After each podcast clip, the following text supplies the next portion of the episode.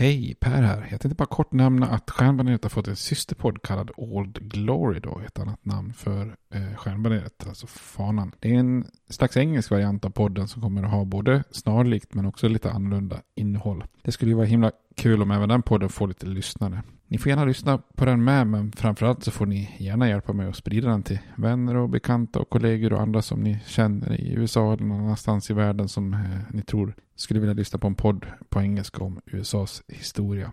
Tack, det var bara det jag ville säga. Nu kommer avsnittet. Hej då! Even when we're on a budget we still deserve nice things. Quince is a place to scoop up stunning high-end goods for 50 to 80% less than similar brands. They have buttery soft cashmere sweaters starting at $50, luxurious Italian leather bags, and so much more. Plus, Quince only works with factories that use safe, ethical, and responsible manufacturing. Get the high-end goods you'll love without the high price tag with Quince. Go to quince.com/style for free shipping and 365-day returns. I'm Sandra, and I'm just the professional your small business was looking for. But you didn't hire me because you didn't use LinkedIn jobs. LinkedIn has professionals you can't find anywhere else, including those who aren't actively looking for a new job but might be open to the perfect role, like me. In a given month, over 70% of LinkedIn users don't visit other leading job sites. So if you're not looking on LinkedIn, you'll miss out on great candidates like Sandra. Start hiring professionals like a professional. Post your free job on linkedin.com/people today. Burrow's furniture is built for the way you live. From ensuring easy assembly and disassembly to honoring highly requested new colors for their award-winning seating, they always have their customers in mind. Their modular seating is made out of durable materials to last and grow with you. And with Burrow, you always get fast, free shipping. Get up to 60% off during Burrow's Memorial Day sale at burrow.com slash ACAST. That's burrow.com slash ACAST. burrow.com slash ACAST.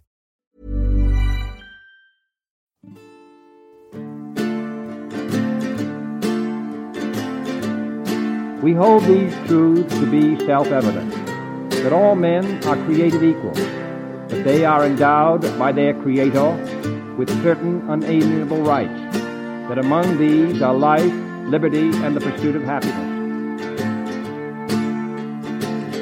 Now we are engaged in a great civil war, testing that government of the people, by the people, for the people, shall not perish from the earth. And so, my fellow Americans, ask not what your country can do for you, ask what you can do for your country.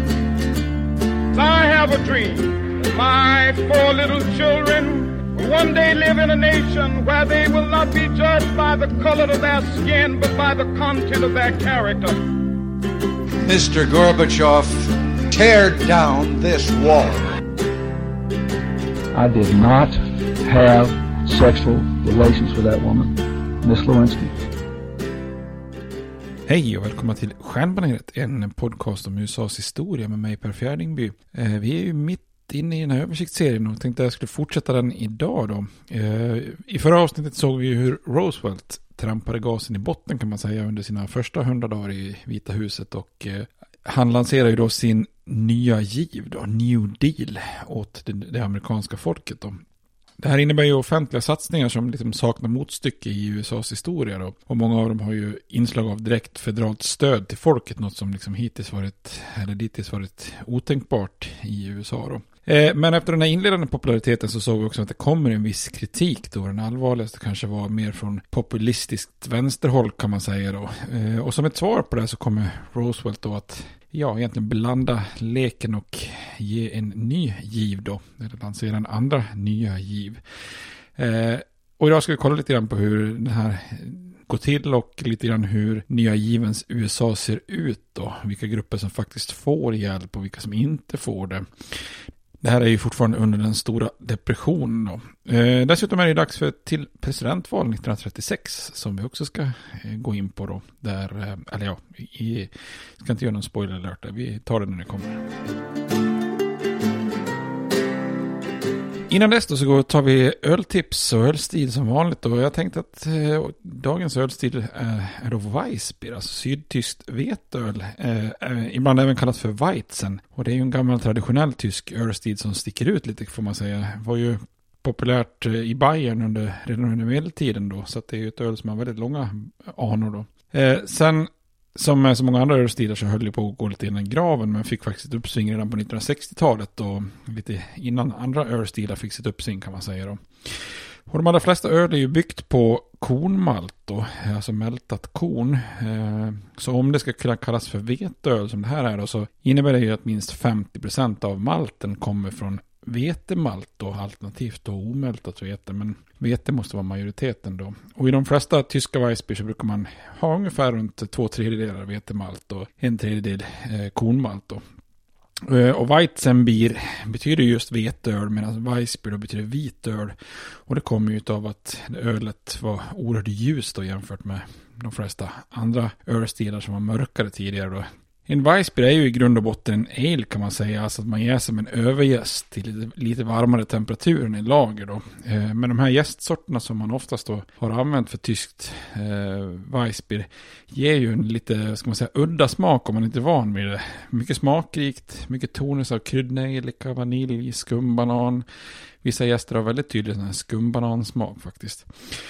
Eh, och sen dessutom så tillsätter man ju extremt lite humle då, så det finns knappt någon beska alls, utan det är väldigt söt och, och liksom då eh, präglad av den här gästen.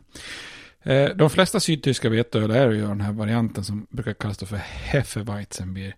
Som då ordagrant betyder gästveteöl. Och de är ju då ofiltrerade och grumliga, eh, skulle man kunna säga då. Mycket gäst finns kvar och sen så häller man upp bottensatsen då.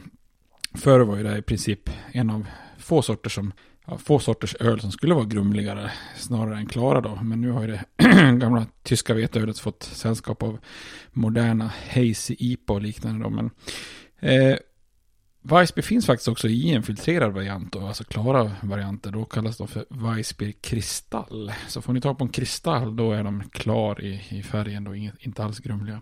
De här ölen, Weissbier, innehåller också mycket, ovanligt mycket kolsyra, vilket ihop med vetemalten ger ett väldigt kraftigt skum då. Och det här gör ju att man ofta serverar dem också i sådana här typiska höga glas. Det är väldigt fint och läckert att dricka, dricka ur om ni får en Weissbier serverad i rätt glas då så att säga.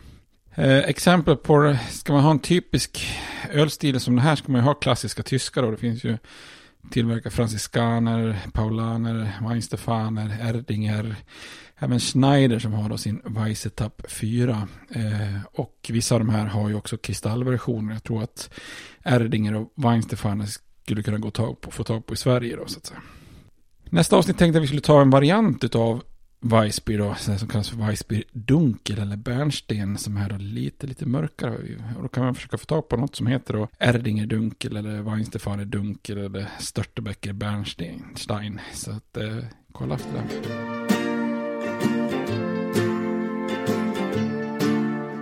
Men åter tillbaka till historien då. Eh, den här kritiken som Roosevelt får från vänstern då, personer som Hulong och Father Cowlin, Francis Townsend och de som vi pratade om eh, i förra avsnittet hade ju en ganska stark påverkan på Roosevelt. Och en eh, lite frustrerad Roosevelt sa vid något tillfälle I'm fighting communism, Hulongism, Cowlings Townsendism. Så att det blir många ismer där när man får kritik. Dessutom är ju Roosevelt lite frustrerad över att alla hans åtgärder inte har gett liksom mer effekt i samhället. Man har liksom på något vis bromsat upp eh, depressionen och lite vänt trenden för depressionen. Men det är fortfarande inga direkt strålande ekonomiska tider utan det är fortfarande tufft för många grupper då.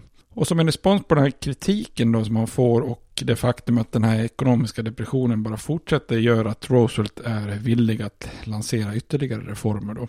Så i ett av sådana så här kända radiotal och sådana här fireside chats så lovar Roosevelt sommaren 1934 att jobba då för både socialförsäkring och andra sätt att försöka höja levnadsstandarden för vanligt folk.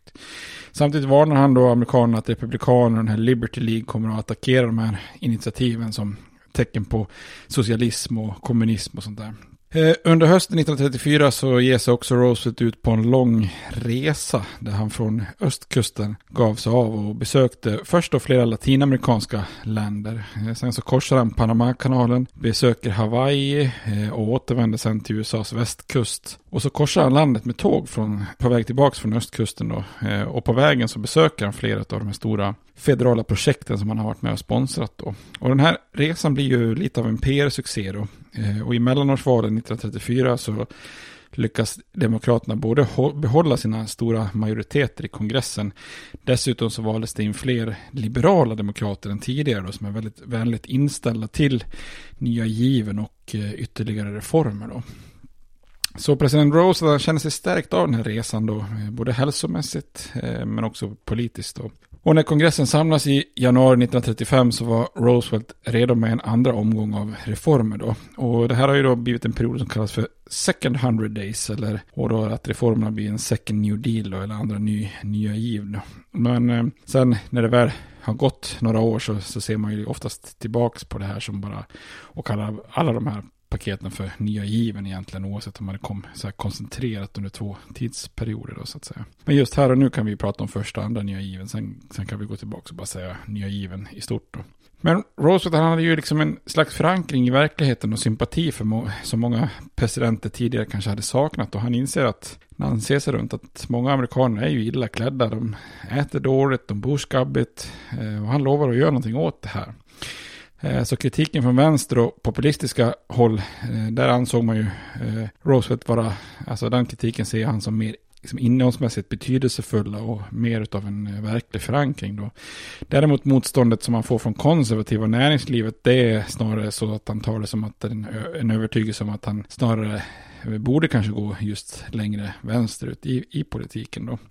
och hans retorik, Roosevelts då, blir ju också djärvare nu. han kritiserar den välbärgade eliten i ganska hårda ordalag kan man säga. Och han beskriver dem som ekonomiska kungligheter som göder sig på andra. Och i tal så attackerar han den orättvisa koncentrationen av välfärd och ekonomiska makt och så vidare. Och istället så menar han att social rättvisa inte längre bara liksom är ett avlägset ideal utan ett definitivt eh, mål. Då. Eh, och den stora skillnaden egentligen mellan den här första nya given eh, då, som i de här ny, andra nya given är att presidentens och hans administrationsattityd till näringslivet och företagsintressena nu liksom attackeras, kan man säga, lite mer öppet då. Så enkelt, om man ska sammanfatta de här två så är, kan man ju säga att den första nya given var ju mer att försöka hantera den här omedelbara ekonomiska krisen som depressionen innebar och försöka liksom att vända fallet och vända ekonomin. Eh, den andra nya given här nu blir ju väldigt mycket mer radikal, eller man kanske ska säga för att vara korrekt och mer radikal för att vara USA då med just fokus på sociala reformer. Men man kan också lägga till att även om den här andra nya given går längre till vänster så är det ju liksom långt ifrån någon form av socialistiska reformer då. Eh, man kanske kan beskriva det som att det blir lite mer, mer till vänster än centern då. Går vi igenom då den andra nya given så just den här kritiken mot den skeva välfärden gör att Roosevelt i sin andra nya giv inför ett antal skattereformer 1935 då som uppenbarligen var tänkt att möta och underminera då den här Huey Longs eh, organisation som han hade den här Share Our Wealth Plan då. Eh, så ett inslag är ju då en, en wealth tax, alltså en förmögenhetsskatt på alla förmögenheter över en miljon dollar. Och som ett svar på de här förslagen som Huey Long har lagt om att distribu- distribuera välfärd, distribuera förmögenheter och välfärd så blir, blir det här en, eh, ett, ett svar på det, att införa de här. Och de här skatterna oroar ju många av de här mest välbärgade amerikanerna eftersom de var ganska höga och, och de mest progressiva skatter som landet någonsin haft i, i fredstid. Då. Eh, men med mer moderna mått mätt så var de ju ändå relativt eh, begränsade får man säga. Några av de viktigaste delarna i den andra nya given var ju lagar som utgjorde riktiga, liksom, kan man säga, milstolpar i USAs historia. Då. Lagar som i grunden förändrade det amerikanska folkets relation till den federala staten. Då. Eh, den första milstolpen var ju en lag som kallas för National Labour Relations Act, men som oftast kallas för Wagner Act eh, efter New Yorks senator Robert Wagner, som jag nämnde tror jag tidigare, som författade lagen i mångt och mycket då, eh, där han samarbetar tätt med Roosevelt administration då för att utforma den här lagen då. Och den här Wagner Act brukar allmänt kallas för Labours Magna Carta. Eh, alltså att den äntligen gav arbetare den här uttryckliga rätten att organisera sig och förhandla kollektivt med, med sina arbetsgivare. Då. Och kopplat till den här lagen fanns också en National Labour Relations Board, och en slags myndighet som kunde övervaka fackliga val eh, och förhandlingar och kunna agera mot arbetsgivare som inte agerade rättvist. Eh, och i det långa loppet så innebär den här lagen att den federala staten blev en slags medlare mellan arbetare och företagsledningar. Då. Så det här stärker facken så att det blir en lite, vad ska man säga, en jämn match mellan arbetstagare och arbetsgivare då, med lite staten som domare mitt emellan då så att säga. Nästa milstolpe i, i den andra nya given var ju en socialförsäkring då som eh, antogs då i form av The Social Security Act 1935 då. Och den här lagen krävde ju långa debatter och mycket övertalningar och kohandel innan den röstades igenom då. Eh, och bakom den stod ju Roosevelts eh, arbetsminister Francis Perkins då, den första kvinnliga ministern. Och USA var ju ett av få industrialiserade länder som helt saknade ett nationellt system då för att hjälpa arbetslösa och åldrade amerikaner. Och hälften av alla amerikaner över 65 år kunde kunde liksom inte överleva utan någon form av eh, hjälp eller, eller liksom ja, eh, donationer och olika saker. Då. Eh, de flesta europeiska länder hade infört sina första socialförsäkringar något decennium tidigare. Då. I Sverige kom ju lag om sjukkassor tror jag på eh, slutet av 1800-talet och lagar om olycksfall i arbetet i början på seklet och, och sen kom en lag om folkpension 1914 om jag inte minns fel. Socialförsäkringslagen här i USA då lovar ju att skapa en säkerhet för flera av, av livets utmaningar då och innebar stöd främst inom tre områden. Då. Eh, för det första så var det en pension då för personer över 65 år. Eh, för det andra så var det en arbetslöshetsersättning för personer som tillfälligt saknar jobb. Och för det tredje så var det ersättningar för vissa utsatta grupper som inte kunde försörja sig ens i något liksom, sysselsättningsprogram då, som blinda och handikappade och föräldralösa. Det var grupper som tidigare inte haft någon som helst eh, möjlighet att få, få statlig försörjning då, eller federal försörjning. Då. Ideologiskt så var ju Roosevelt och hans rådgivare noga med att skilja på försäkring och bistånd. Alltså pensionsprogrammen utformas mer som privata försäkringar snarare än offentliga bidrag då. Eh, så arbetsgivare och arbetstagare skulle båda bidra med motsvarande 1% av lönen i insättningar för framtida pension. Och genom den här typen av finansiering av socialförsäkringen från, om man säger lönechecken, så skulle ingen kunna säga att det inte är rättvist eller att det var rena bidrag då. Sen har den här socialförsäkringen en hel del blinda fläckar och undantag. Då. Pensionssystemet gäller exempelvis inte stora grupper som hushållsarbetare och sysselsatta inom jordbruket och så vidare. Då. Så jämfört med socialförsäkringsprogrammen i flera europeiska länder var det ju relativt liten hjälp. Men med amerikanska mått mätt var det ju ett enormt kliv framåt då kan man säga.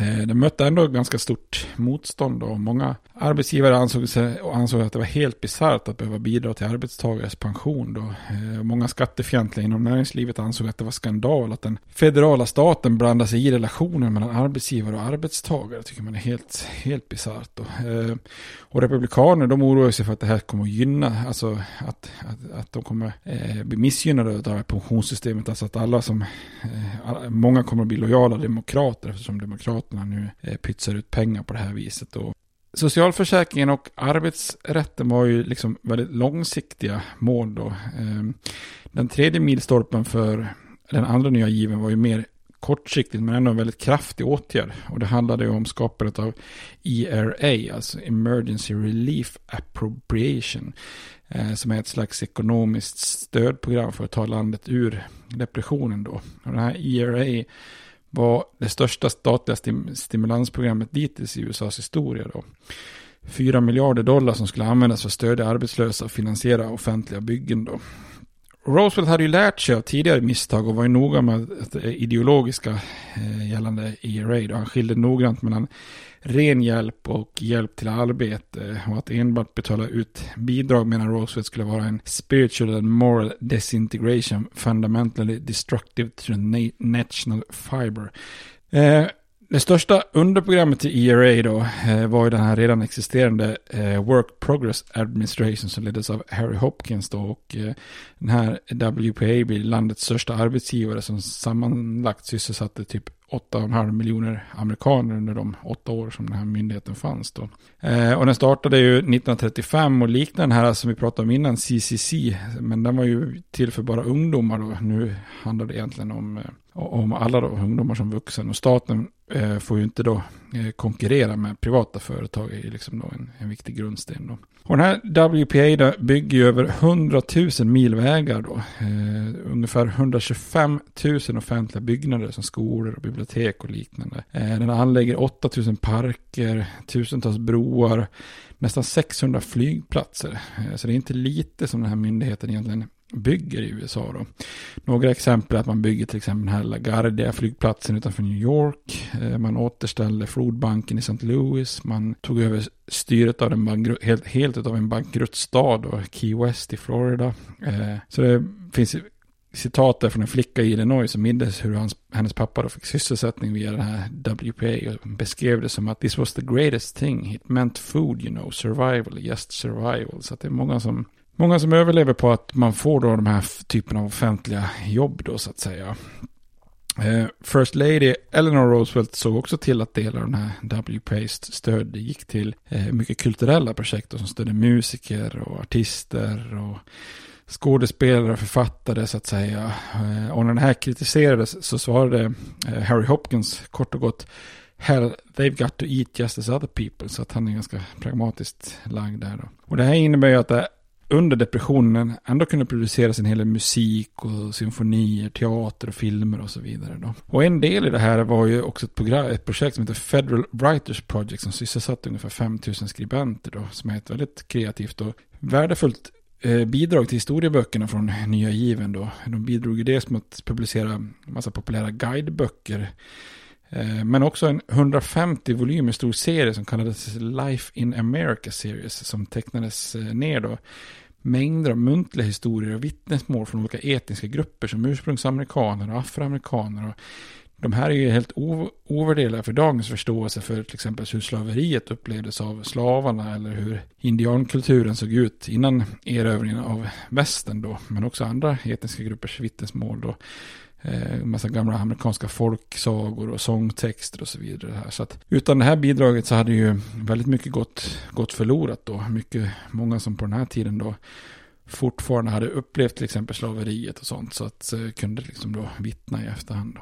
Den andra nya given innehöll andra saker också då. Det fanns till exempel en sak som heter Emergency Housing Division of Public Work Administration som inledde federalt sponsrade bostadsbyggen då. Eh, och ett antal projekt som försökte göra livet bättre på landsbygden och hjälpa jordbruket ännu mer.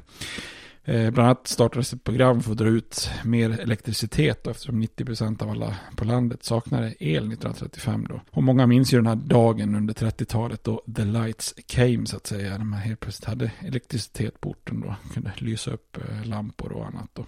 Eh, så nya given lyste ju då, kan man säga bokstavligt talat upp livet för väldigt många i USA på, på de här, under de här depressionsåren då. Eh, så Roset andra nya giv var ju en uppsättning reformer som på många sätt liknade den första. Eh, det var framgångar men ingen total seger. Det var nytänkta för att vara USA men knappast radikala eller revolutionerande. Eh, och presidenten hade återigen visat sin politiska realism och, och pragmatiska ledarskap. Då. Eh, så i den andra nya given hade han rört sig tillräckligt långt västerut för att överkomma kritiken från, från sådana som Long och Cowlin och Townsend. Men utan att röra sig allt för långt ifrån det amerikanska ideologiska DNA. Då. Eh, så hans politik och, och reformer förbättrade livet för många amerikaner. Men han hade, eh, samtidigt hade han då inte riktigt korrigerat hela landets ekonomiska och sociala problem. Då.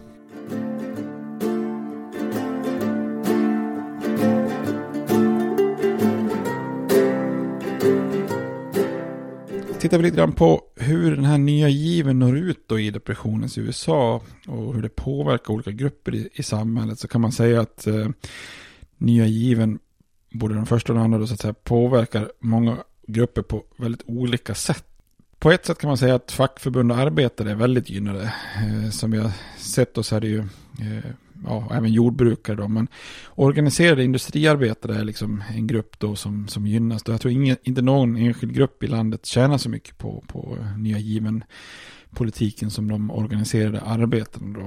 Eh, den här Wagner Act innebar ju liksom en revolution för organiseringen av arbetarna i USA. Då. Helt plötsligt hade man officiellt stöd från presidenten som, vill, som ville att man skulle ansluta sig till facket och som stödjer många av deras krav. Då. Så det är verkligen en ideologisk skiftning jämfört med hur det var tidigare på 1900-talet och 1800-talet.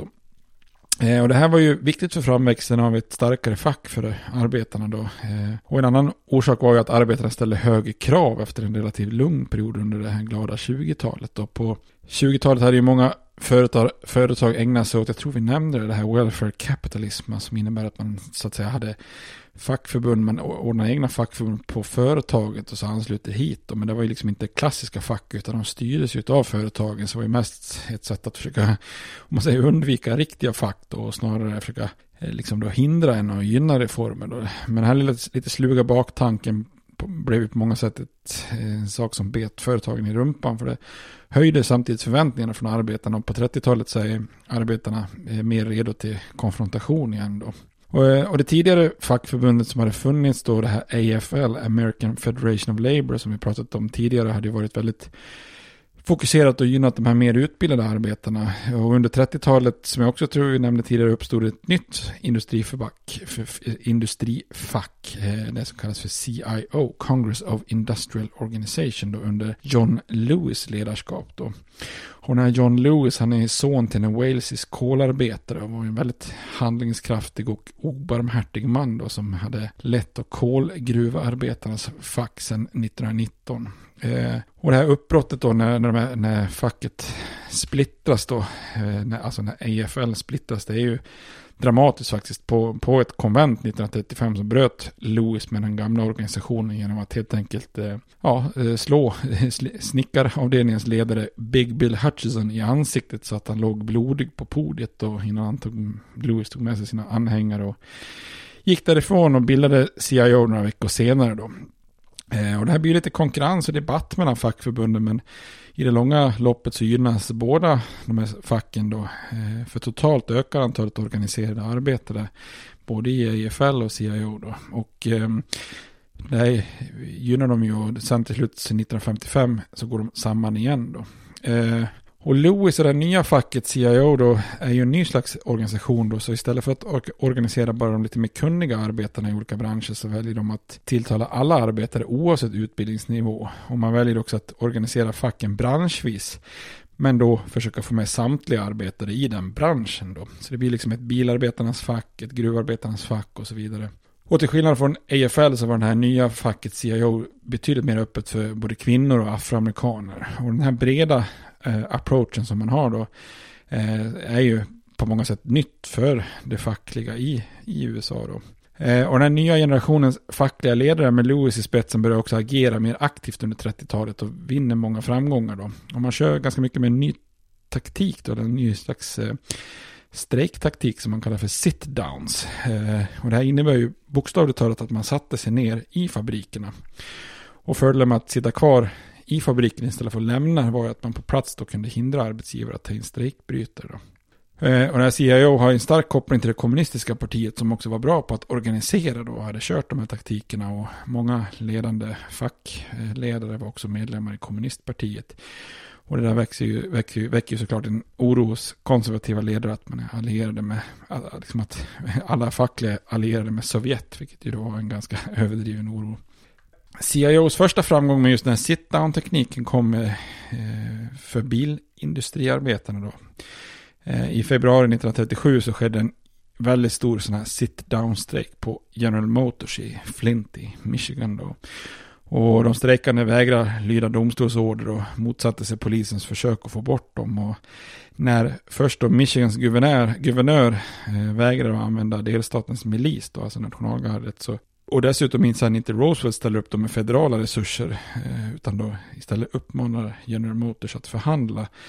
Eh, då ger sig General Motors, då ger de efter och facket vinner en jätteviktig seger om rätten att organisera sig då som sen sprids till andra bilfabriker. Då. Och nästa framgång kommer för stålfabrikarbetarna som också organiserade sig och, och gjorde sig redo för kamp då. Eh, och till allas förvåning så var det då giganter inom stålindustrin då, företaget United Steel. Eh, att bara månaden efter att General Motors gett vika så erkänner de eh, facket och förhandlar med dem då för att just undvika strejker och konfrontation. Så där har liksom taktiken eh, ger dem segern redan innan de har behövt agera på många sätt då så att säga. Så första segern blir General Motors och sen då US Steel och sen så sprids det då så att säga det finns ju viss motgång också då. Det är inte alltid att den här nya tekniken har framgångar. Det kommer en ganska tydlig motgång för stålarbetarna som sattes upp mot företaget Republic Steel då. Eh, de har en demonstration i form av en fredlig picknick med familjerna i södra Chicago då på Memorial Day. Och då utsätts man av eldgivning från polisen och så vidare. Så det blir en incident där tio demonstranter dödas och 90 skadas och så vidare. Det brukar kallas för Memorial Day Massacre. Eh, och strejken misslyckas. Men Eh, tittar man på historien som en facit i hand skulle det här dock visa sig vara den sista strejken som stoppades med sådana här brutala, våldsamma metoder. Som, och det här var ju, vi pratade om det här i slutet på 1800-talet, så var ju de här blodiga metoderna extremt vanliga så att säga. Man slog ju ner väldigt många strejker som gick lite, eh, som, var, som vart stora då. Så kallades ju till och med federala trupper in ibland för att slå ner de här strejkerna då. Eh, så att det här visade sig vara den sista av de här lite mer våldsamma brutala eh, aktioner. Då. Eh, och i slutet av 1937 då, så är mer än 8 miljoner amerikanska arbetare organiserade i fackförbund då, jämfört med bara 3 miljoner 1932. Så det är ju ganska stort, stort skillnad. Då. Så den här Wagner-lagen blev en, en, en grundbult för arbetarrörelsen och även då kan man säga det demokratiska partiet.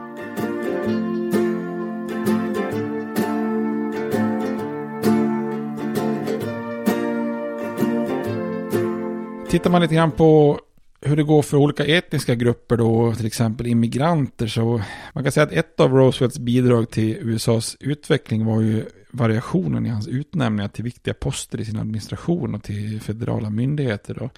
Man kan säga lite förenklat att innan 1933 så hade utnämningar till högre politiska och byråkratiska poster med väldigt få undantag gått till vita protestantiska män med anglosaxisk bakgrund. Då. Eh, men Roosevelts utnämningar speglar det amerikanska samhället lite bättre då. Eh, vissa av hans närmaste rådgivare som Thomas Cochran och James Farley eh, var ju katoliker av irländsk bakgrund. Vi har Felix Frankfurter och ett par andra som var judar då med europeisk bakgrund. Arbetsministern var ju Francis Perkins då, landets första kvinnliga minister.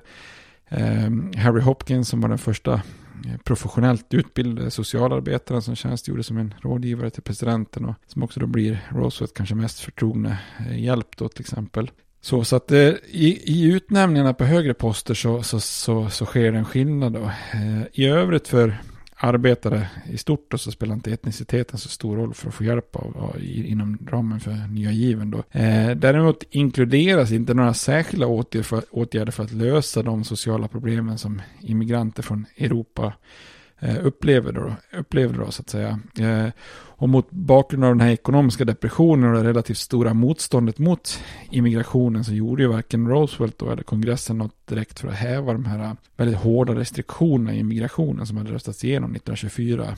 Vi pratade om det här, ni vet, det var ganska hårda kvoter till exempel. Då.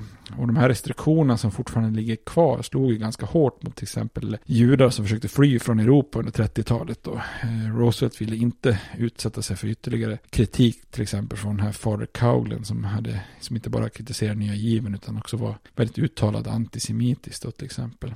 Så USA tog i slutändan emot flyktingar från Europa men med egentligen bara en väldigt liten klick välutbildade och, och framstående personer då. Eh, ni kändes, eller ja, ett, ett, ett, exempel som de flesta känner till är Albert Einstein då, men, men även kärnfysikern Edward Teller och fysikern Enrico Fermi Eh, som båda är kända för att ha deltagit i atombombens utveckling. Då. Eh, Fermi var ju en ledande figur i Manhattan-projektet. Teller eh, brukar ibland kallas för vätebombens fader. Då.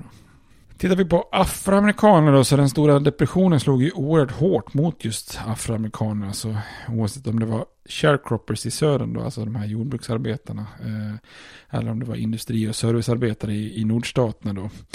Eh, och den här nya given då, politiken missgynnar inte egentligen på något sätt den afroamerikanska delen av befolkningen i teorin. Eh, men å andra sidan så gynnar den heller inte afroamerikaner på samma sätt som den gynnar den vita befolkningen om man tittar på praktiken. Då. Så det är väldigt stor skillnad mellan teori och praktik. Mellan, om man säger mellan lag och verkställande av lagen. Då.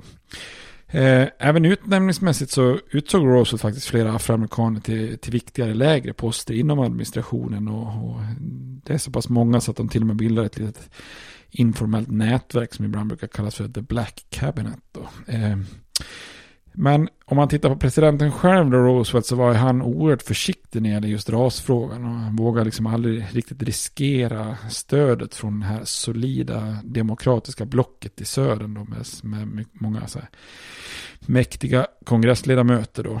Eh, och i södern ansåg ju de här mäktiga demokraterna att all form av liksom så att säga inblandning från, om man kallar sig utsidan då, alltså kring Söderns segregerade system, det var ju förkastligt. Och, så Roosevelt ställde till exempel aldrig sig bakom förslag om att göra lynchningar till ett federalt brott eller att förbjuda en så kallad poll tax, alltså en röstningsskatt som var ett av Söderns viktigaste verktyg för att förhindra afroamerikaner från att rösta då i Södern. Och det är ju många ledare då inom det afrikanska, afroamerikanska samfundet som blir arga över att Roosevelt inte stödjer de här antilynchningslagen till exempel. Då. Men eh, här får man väl säga att Roosevelt kalkylerar ganska kallt med att jag kan inte förlora stödet från Söderns demokrater. Då. Eh, en av de som mest pratade om och kampanjade för rasjämlikhet och afroamerikaners rättigheter det är ju då First Lady Eleanor Roosevelt. Eh, hon försökte sätta tryck på sin man då eh, och eh, hans ministrar för att minska segregationen och förtrycket utifrån ras då så att säga. Och vid några tillfällen så gör hon saker som tidigare hade varit fullständigt otänkbara för en First Lady då. Eh, hon besökte bland annat ett segregerat möte i Alabama och insisterade på att hon ska sitta på sektionen för enbart färger. Då. Det är en, en helt, helt sjuk grej tycker många. Då. När en organisation som hon var medlem i vägrade att låta den afroamerikanska operasångaren Marian Anderson att uppträda i en konserthall i Washington DC då arrangerar Eleanor Roosevelt en utomhuskonsert med, med den här artisten vid Lincoln Memorial och samlar då 75 000 personer i publiken. Då. Så att Eleanor hon verkligen visar sin, sitt, sitt stöd för afroamerikaner. Då. Eh, och det gör hon ju tillsammans med inrikesministern Harold Lix och, och eh, chefen Harry Hopkins, då, chefen för WPA. Eh, och tillsammans så ser de till att alla de här nya given-programmen inte på något vis exkluderar afroamerikaner i, i regelverken. Då. Men som jag sa innan, det är ju bara i teorin. I, i praktiken, inte på fältet, så är det ju myndighetsrepresentanterna som bestämmer och villiga och, och eh, är inte villiga och upplevde sig eh, mer tvingade att disk, diskriminera afroamerikaner. Då. Och det kan ju ta sig olika uttryck då. Eh, I vissa sådana här så kallade arbetsläger så separerades vita och svarta. Eh, ersättning för offentliga jobbinsatser var i regel lägre för afroamerikaner än andra arbetare trots att man utförde samma arbete. Då.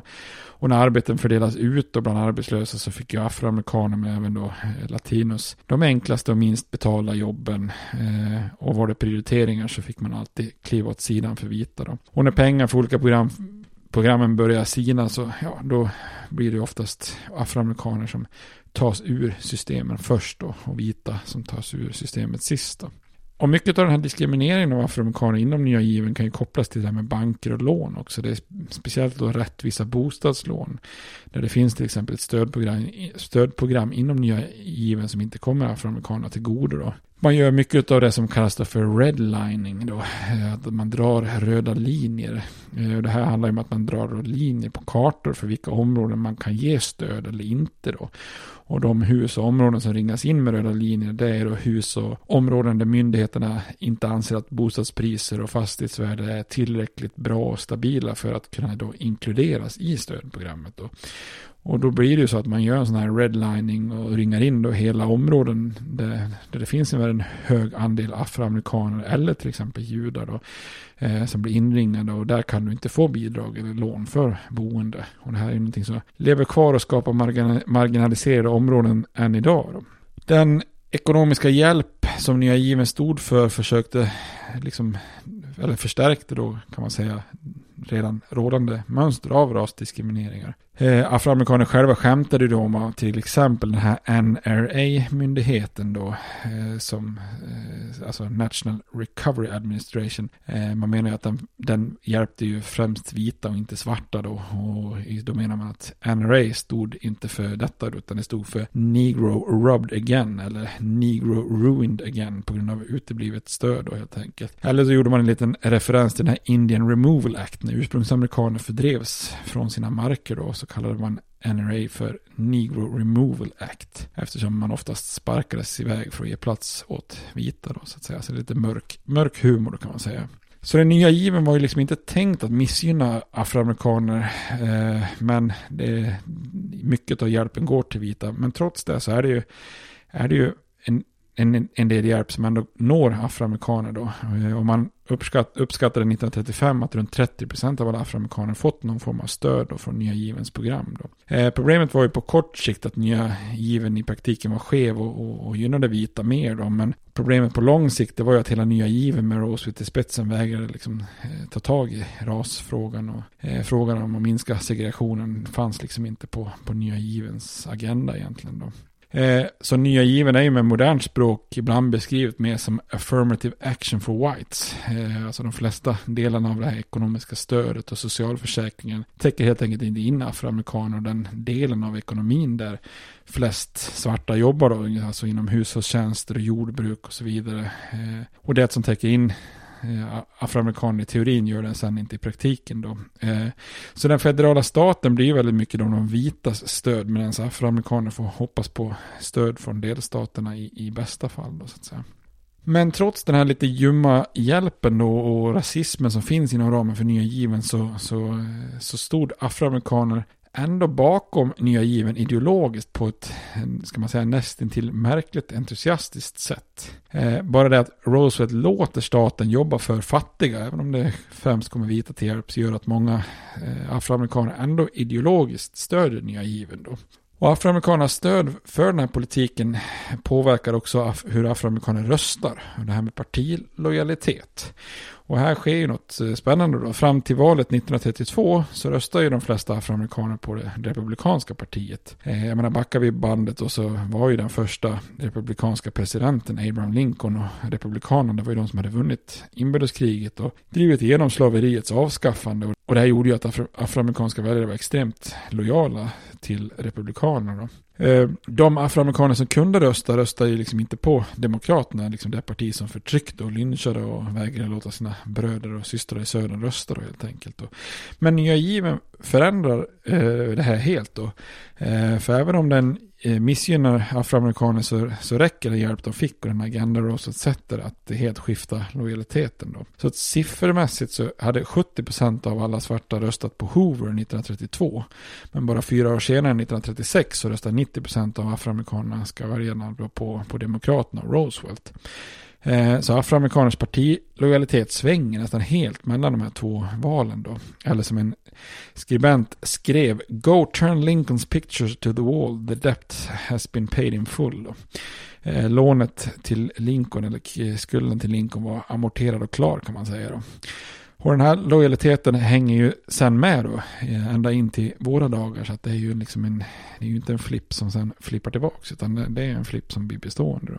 Eh, så det är alltså lite mer symboliska saker än faktiska saker som förvandlar det afroamerikanska röstares eh, stöd. stöd. så att säga. Bara det att First Lady Eleanor Roosevelt låter sig fotograferas med afroamerikaner, det är liksom bara wow. Det är helt otroligt. Då. Bara det gör att många afroamerikaner stöder eh, Roosevelt. Enkelt kan man tycka, men då har man kanske också underskattat och missförstått USAs historia. Detsamma gäller ju än idag. Då.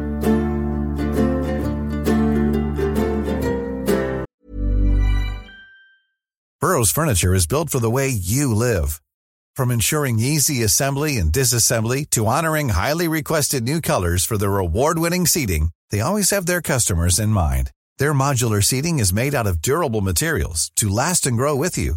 And with Burrow, you always get fast, free shipping. Get up to 60% off during Burrow's Memorial Day sale at burrow.com slash ACAST. That's burrow.com slash ACAST. burrow.com slash ACAST.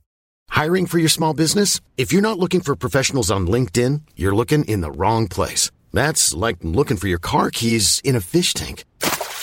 LinkedIn helps you hire professionals you can't find anywhere else, even those who aren't actively searching for a new job but might be open to the perfect role. In a given month, over 70% of LinkedIn users don't even visit other leading job sites. So start looking in the right place. With LinkedIn, you can hire professionals like a professional. Post your free job on linkedin.com slash people today.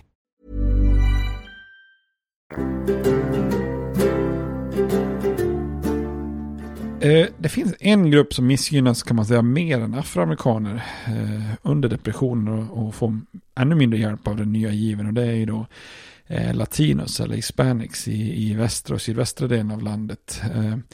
Under Hoovers tid så hade ju tiotusentals börjat deporteras tillbaka över gränsen till Mexiko som vi pratade om.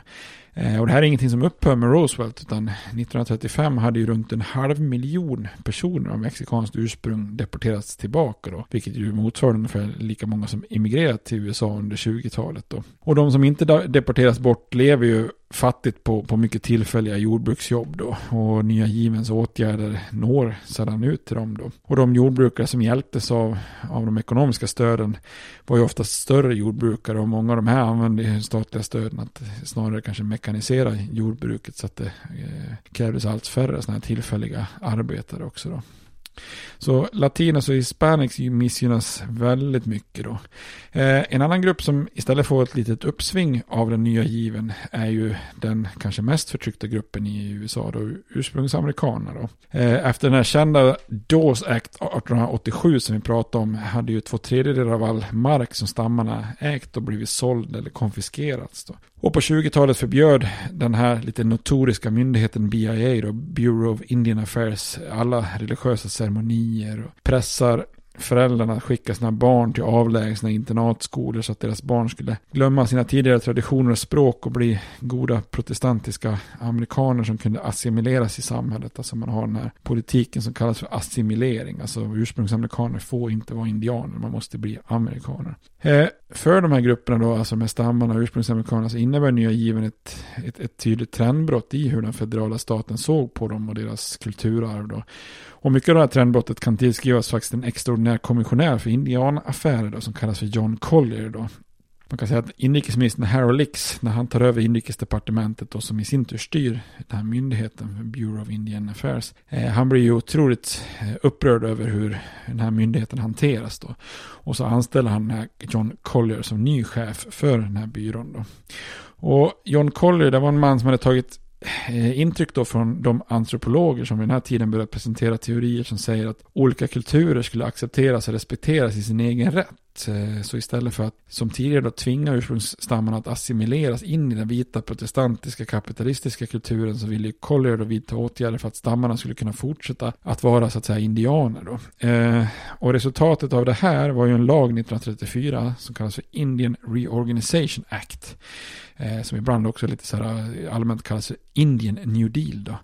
Eh, som återgav rätten för ursprungsstammarna att äga mark kollektivt i, i stammarna då, och, och, att välja sina egna lokala styren utifrån stamsamhället. Då. Och utöver det så ökades också antalet medarbetare på den här Bureau of Indian Affairs från 500 till 4000 så man verkligen också kan stötta de här grupperna. Eh, och Collier han tvingar också delstaterna i väst att ge bättre sjukvård för ursprungsamerikaner. Han fixar lokala skolor istället för att man ska behöva skickas till internat. Han häver de här förbuden mot att kunna utöva sina religiösa ceremonier. Han skapar också en konst och hantverksorganisation som skulle kunna hjälpa stammarna att försörja sig på sitt hantverk också.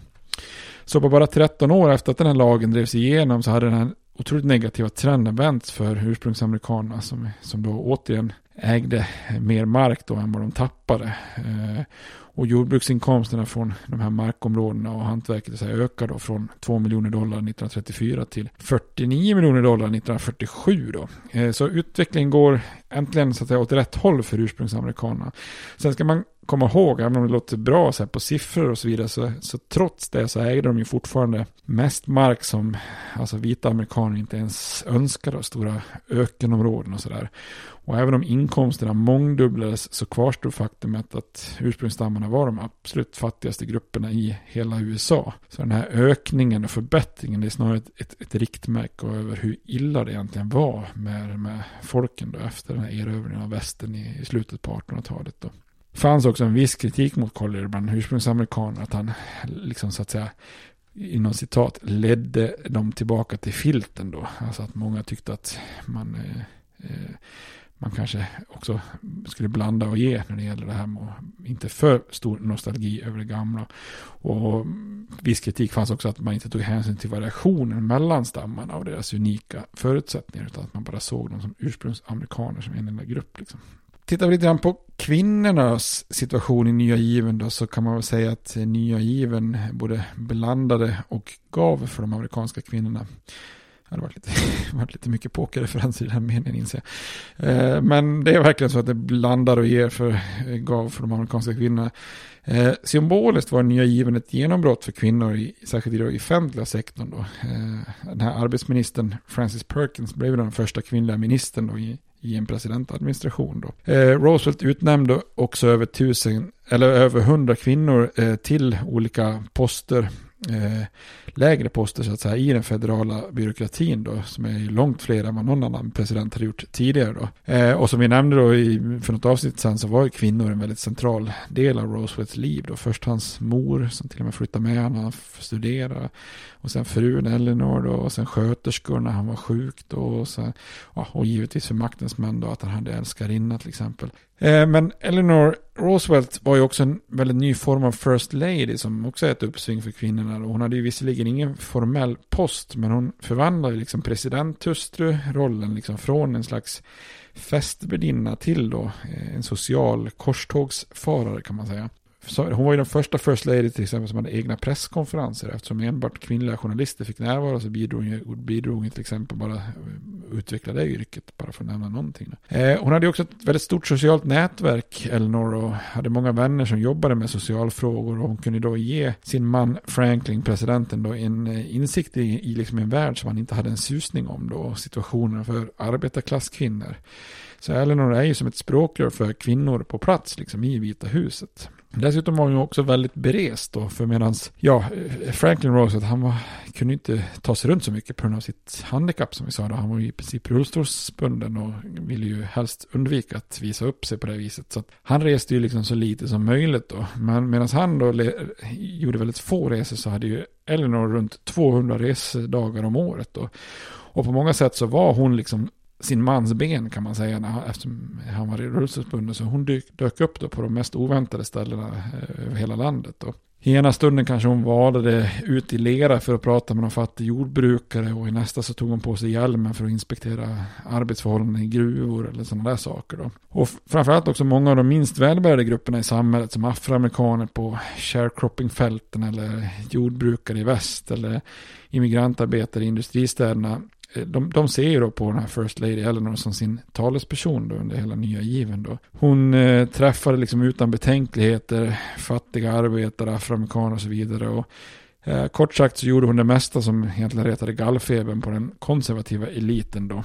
Eh, och för presidenten Franklin Roosevelt så är det här ett väldigt bra partnerskap då där han kunde ta en mer, vad ska man säga, moderat hållning i politiken då och inte stöta sig till exempel med demokraterna, demokraterna i söder men han kunde ändå få stöd av de här grupperna genom sin frus agerande då. Så att eh, här är ju liksom, vad ska man säga, afroamerikaner till exempel älskar ju Eleanor Roosevelt och stödjer då Roosevelt, men han politiskt gör inte så mycket för afroamerikanerna. Så det blir liksom så ett sätt att, att, att, att, att få bredare koalition med hjälp av sin fru. Då. Även i kongressen så kom ytterligare framgångar för kvinnor som var symboliskt viktiga. Då. Eh, Hattie Caraway från Arkansas efterträdde sin man då på hans plats i senaten. Han dog 1931. Hon ställde sen själv upp i Finlandsvalet 1932 och fick sen bland annat hjälp av Huey Long i, i, i kampanjen då. Eh, hon, hon räknas som den andra kvinnan i senaten då, eh, även om då den första faktiskt bara satt symboliskt under en dag. Så i all praktisk mening så var hon på många sätt den första riktiga kvinnan i senaten då. Och 1934 vann hon dessutom omval och blev den första kvinnan någonsin som själv vunnit en hel mandatperiod i, i senaten då. Eh, hon var heller inte ensam i kongressen då. Eh, vi pratade om han, han Huey Long då från Louisiana. När han mördas så fick ju så valde ju hans änka Rose McConnell Long då att ta en plats i, i senaten då så att hon eh, teamade ihop sig där med Hathaway. Eh, 1934 valdes dessutom sex kvinnor in i representanthuset. Så det här är ju lite grann när kvinnor tar de första stegen in på den här väldigt manliga dominerade arenorna formellt då. Det är lite glastak som splittras här när det gäller kongressen och så vidare. Eh, I övrigt kan man väl på många sätt säga att nya given knappast var några steg mot ökad jämställdhet. Och eh, den allmänna uppfattningen eh, var ju att i tuffa ekonomiska tider så skulle ju kvinnor helst lämna arbetsplatserna för att ge plats åt de riktiga familjeförsörjarna då, i form av männen. Då. Så att hjälpprogrammen fokuserar ju på att få män i arbete och, och erbjuder få jobb till kvinnorna. Även den här socialförsäkringen exkluderar ju dessutom många av de här typiska kvinnojobben som hushållstjänster, servitrisyrke, jordbruket och där många kvinnor kämpar vid sidan av sina män och så vidare. Då. Så utgångspunkten i alla de här programmen utgick helt enkelt ifrån att den traditionella synen var att mannen var hushållets eh, försörjare, då, breadwinners som man brukar säga, och att det var de som skulle hjälpas så att de skulle kunna försörja övriga familjen.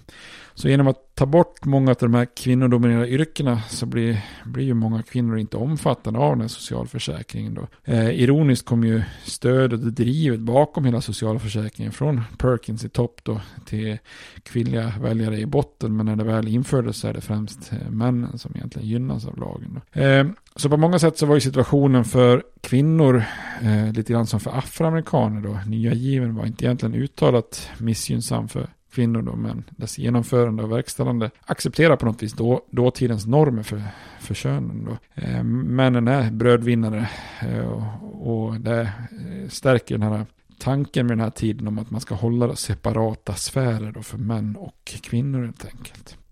Eh, Nya given är också eh, ett program som gynnar en viss region av landet också. Eh, man brukar ibland prata om den en, en ny giv för västen då, eh, den amerikanska västen. Eh, västern nåddes egentligen av mest dollar per capita i bidrag jämfört med alla andra regioner i USA om man slår ut stödet från nya given då. Och förutom den här Tennessee-dalens dammar och elektricitetssystem som vi pratade om i något tidigare avsnitt här så, så, så ägde ju de allra flesta sådana stora satsningar i infrastruktur och el och så där ägde ju rum då väster om Mississippi-floden. Och på många sätt var det ju logiskt och västern i mångt och mycket var den region som var i störst behov av både vatten och el vid den här tiden då.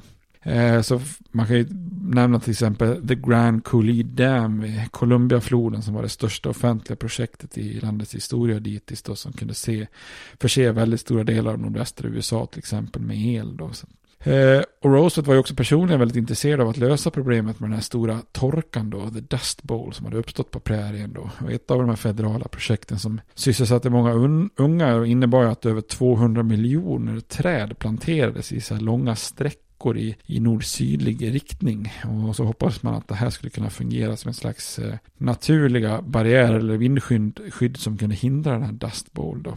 Eh, och även om en del experter dömde ut åtgärden så genomförde Roosevelt den ändå. Och det visade sig senare att den fungerade relativt väl faktiskt för att bevara och, och, och försöka eh, minska eh, klimatpåverkan. Där. Eh, dessutom infördes eh, lagstiftningar som begränsade antalet boskap som kunde beta på vissa områden så att de inte blev utarm utarmade. Då. Vi pratade om det här i serien om västern, hur otroliga stora mängder av boskap som verkligen bara gnagde upp allt, allt gräs som fanns ute på prärien. Då. Och på områden som redan hade utarmats, eh, blivit övergivna eller marginaliserade så planterades tillbaks då grässorter som hade funnits där innan nybyggarna kom, som var lite mer robusta och anpassade för den här regionens klimat då, så att säga. Eh, och utan de här enorma stora satsningarna på västen under den andra, eller under nya given så skulle ju den här regionen aldrig ha kunnat spela egentligen så stor roll som den senare skulle göra då under den här militära upprustningen som kommer under andra världskriget som vi kommer att se då Eh, då lägger man ju väldigt mycket av krigsproduktionen i västern och den här upprustningen och produktionen gör ju att regionen växer och förvandlas till den moderna västern då kan man säga. Så som vi känner till den idag. Så enkelt kan man ju säga då att nya given ihop med andra världskrigets upprustning eh, är ett enormt uppsving eh, för det som så skapar den moderna västern.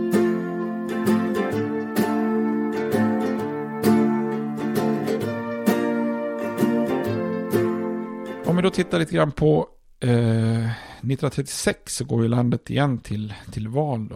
Eh, kongressen och presidenten. Och eh, med ett land som är totalt präglat av den här stora depressionen och alla de här eh, reformerna. Så blir ju då presidentvalet 1936 mer eller mindre då en slags nationell folkomröstning eh, om den nya given. Eh, opinionsundersökningen 1936 visar ju att stödet för presidentens politiska program var stort i de flesta delar av landet. Då. Och stärkt av det här förvandlade Roosevelt sin återvalskampanj till ett slags partioberoende liberalt korståg där han liksom utmålar eh, det här som en konflikt mellan välbärgade och icke välbärgade, mellan fattiga och rika eller som han själv sa mellan the haves and the have-nots. Eh, och på Demokraternas partikonvent i Madison Square Garden inför en hyllande publik så attackerar Roosevelt då det han kallar för economic royalists som tog other people's money för att vidmakthålla ett industrial dictatorship. Eh, och han menar att kapitalistiska krafter stod enade i sitt hat av honom då. Men också då I welcome their hatred säger han då. Eh, Eh, Roosevelt kallar de här motståndarna i Liberty League för miljonärsfacket. Eh, så att han går hårt åt här eh, mot eliten och den ekonomiska eliten då. För att utmana Roosevelt så valde republikanerna Alfred Landon, även kallad för bara Alf Landon, som var en progressiv republikansk guvernör från Kansas och tidigare anhängare av sin, sin faktiskt sin motståndares avlägsna släkting Theodore Roosevelt som ju också hade varit progressiv. Eh, han kampanjar då Lennon alltså som en mer moderat progressiv kandidat och menar att målsättningen med nya given var ju rätt då, men att vägen dit borde vara annorlunda då. Eh, och annorlunda i att man då kunde uppnå samma resultat med färre statliga åtgärder, predikar han då. Alltså mindre federal budget, mindre byråkrati då. Eh, det uppstår också ett tredje parti som kallas för The Union Party som ställde upp då på ett slags mer populistiskt, som ett populistiskt alternativ då och försöker samla då anhängare från de här personligheterna Long och Cowlin och Townsend då. Eh, och de allra flesta hade nog tänkt sig att Hui Long då skulle vara presidentkandidat. Han hade ju eh, visat sig vara en väldigt populär politiker då. Eh, även om det i och för sig verkar som att han själv inte hade tänkt det då. Men det spelar egentligen ingen roll då. För oavsett så mördades ju som ni vet Long då. Eh, och då behöver man ju hitta någon annan som man nominerar helt enkelt. En man som heter William Lenky som är ja, en representanthusledamot från North Carolina som tämligen färglös då. Eh, och Landon och Republikanerna då, men även det här tredje partiet, eh, de har ju en uppförsbacke som är rätt tvär då. De försöker ju måla ut Roosevelt som en, en diktator och nya givens program då som en attack mot den amerikanska friheten då. Men det är ju väldigt få som, som lyssnar på det örat då. Eh, när valdagen kommer så hade ju inte Roosevelts utmanare liksom skuggan av en chans då. Eh, och det här valet är ju en av de absolut största segrarna i landets historia för ett politiskt parti då i form av Demokraterna då. Eh, Roosevelt fick 27,8 miljoner röster mot 16,7 för Republikanerna. Eh, och 883 000 då för den här länken, tredje partien då. Republikanen Landon han vann enbart de två små eh, New England-delstaterna Vermont och Maine i, i, landets absoluta nordöstra hörn. Då. Eh, Franklin Delano Roosevelt han vinner helt enkelt resten. Så att i elektorskollegiet så blir det alltså 523 elektorsröster mot 8. Så här är det liksom inte direkt någon otydlighet eh, mellan eh, elektorsvinnaren och the popular vote direkt. Och Roosevelts seger tog, drog ju också med sig Demokraterna till sin största seger dittills i kongressen också då. Eh, deras övertag i representanthuset ökar då så att det ligger på 331 ledamöter mot 89. Och i senaten då så leder man då med 76 ledamöter mot 16. Alltså det är ju inte lite då. Eh, dessutom segrar demokrater i 26 av 33 guvernörsval. Så att det är ju en riktig slam dunk för Demokraterna 1936. Och här behöver vi stanna upp, tänker jag. För det, och jag skulle vilja poängtera det här, för det här sker det ju någonting oerhört viktigt i den politiska utvecklingen av partisystemet i USA. Det kommer ju massa val hela tiden. Jag har ju, vet inte hur många presidentval vi har pratat om i den här podden hittills då, så att säga. Men det här är ju ett, ett av de mest intressanta på många sätt. Och Eh, hela 6 miljoner fler amerikaner röstade i 1936 än i valet fyra år tidigare. Och nästan alla kom från arbetarklassen, alltså fattiga människor, arbetslösa, de som har sysselsatts i det här nya given-programmet. Och alldeles uteslutande så röstade de här för Roosevelt. Då. Eh, och på många sätt hade ju Roosevelt och hans nya giv gjort, liksom, gjort om Demokraterna till en, en ny form av politisk koalition. Då. Eh, han hade helt enkelt spunnit vidare på den utvecklingen som man kunde liksom börja skönja i valet 28 när Al Smith eh, började vinna då demokratiska röster i städerna. Så den nya basen för Demokraterna finns nu i den här stora massan av väljare i de stora städerna i nordstaterna då. Eh, en mer organiserad arbetarklass fick liksom allt med gemensamma intressen oavsett om de var utbildade, lågutbildade, infödda eller immigranter eller vita eller svarta, män, män eller kvinnor så att säga. Samtidigt kunde också depressionen och nya given-programmet attrahera en hel del väljare på landsbygden och, och, bland, de, eh, och bland äldre då, till den här nya ko koalitionen. Då.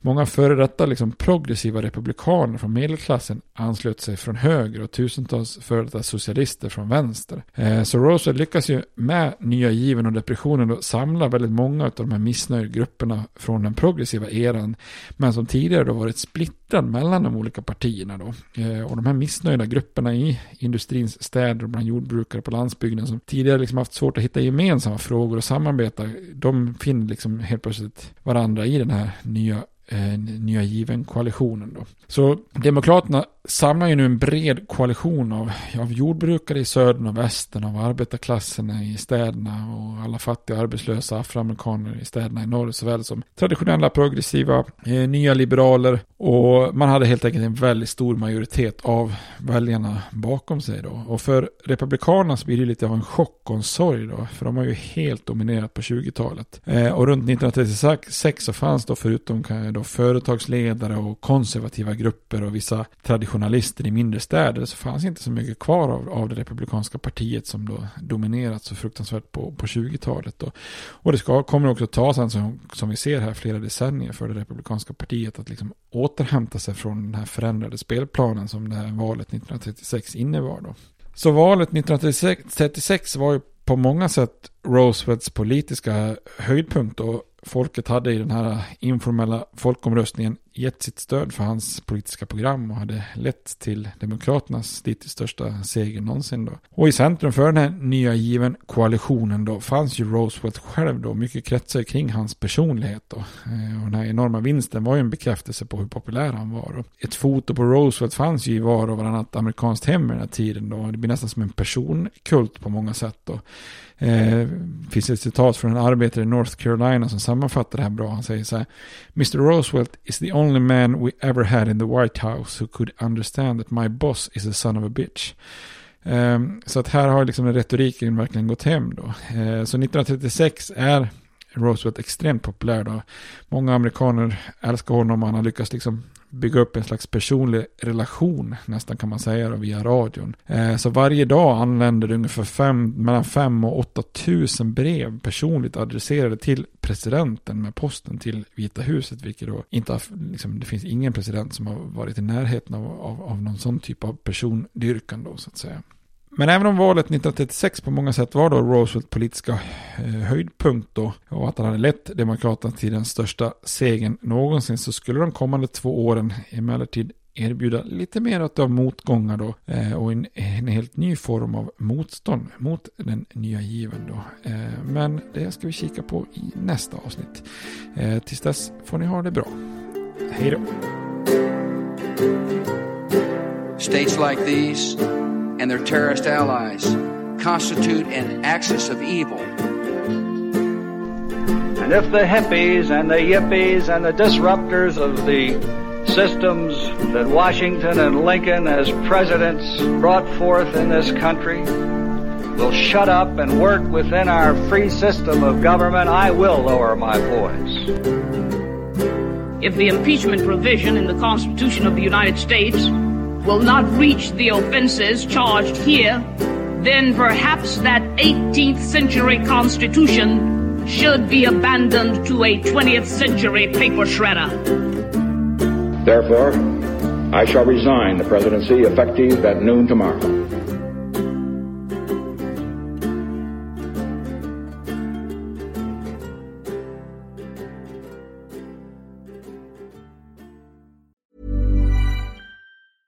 Even when we're on a budget, we still deserve nice things.